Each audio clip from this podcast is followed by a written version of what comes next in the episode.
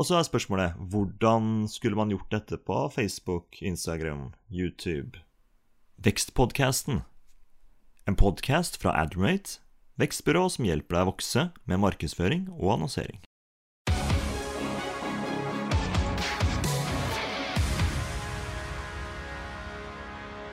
I denne episoden snakker jeg om hvordan potensielle kunder sin underbevissthet blir påvirket av våre annonser, og en oppskrift på hvordan man kan bygge den perfekte annonsen. Gjennom årene har jeg brukt eh, hundrevis av millioner Det høres bare helt sprøtt ut. Hundrevis av millioner på eh, markedsføring. Stor del av det har vært i sosiale medier. Jeg har ofte fått ansvaret for å eh, lage de annonsene som skal konvertere.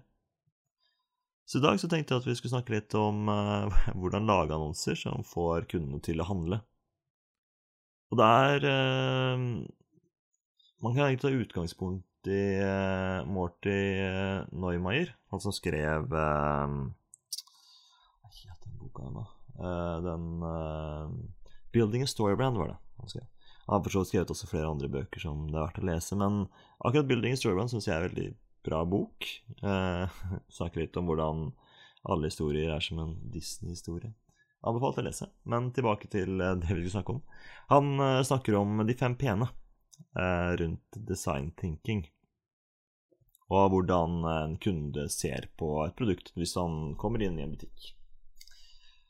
Og det er en del steg som på en måte er ganske underbevisst, som man også kan tenke på når man skal gjøre det samme på sosiale medier man skal lage annonser. Og en del av dere vil jo aldri selge noe som er i en butikkhylle. Altså for deres del så er det jo ting som er på nettet. Dette rammeverket som man har laga, kan i prinsippet oversettes til sosiale medier, eller for den saks skyld bannerannonser eller programmatisk, eller hva det nå skal være. da. Så la oss gå gjennom de fem stegene han har. Nummer én en kunde ser eh, produktet. Det er sterke farger, sterke kontraster, det er noe som skiller seg ut. Eventuelt noe som de på en måte finner interessant. To.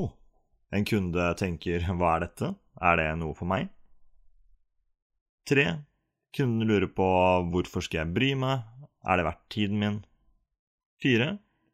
Hvis kunden har funnet ut at det er verdt tiden sin, så ser de etter mer informasjon. Fem. Kunden har vurdert om de skal ta produktet eller ikke, eller om eh, den har de fordelene eller de funksjonene som de ønsker seg. Og så er spørsmålet hvordan skulle man gjort dette på Facebook, Instagram, YouTube, eller for så vidt programmatisk, eller hvilken annen kanal man skulle ønske å velge. Så den første vil jo være én du treffer kunden din med en annonse som gjør at de stopper opp. Igjen sterke farger, gjerne litt kontrast. Noe som gjør at de eh, får tommelen til å stoppe. Typisk thumbstopper. Det kan også være ting som eh, at eh, en dør åpnes, eller det er noe som trigger en interesse hos den potensielle kunden. To. Kunden tenker 'hva er dette her for noe'?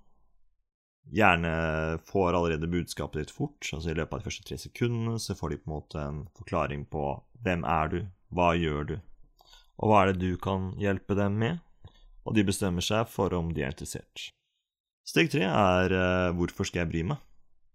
Det er jo her du ofte stopper litt opp og uh, treffer nerven til kunden, så de blir overbevist.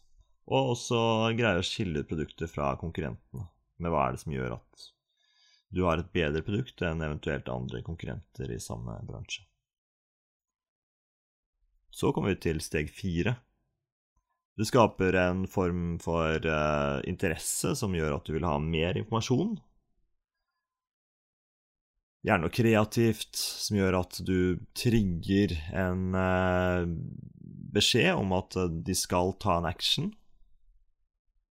Hvor skal de handle? Hvordan skal de handle? Hva er det som på en måte skal få dem over kanten? Så kommer vi til fem.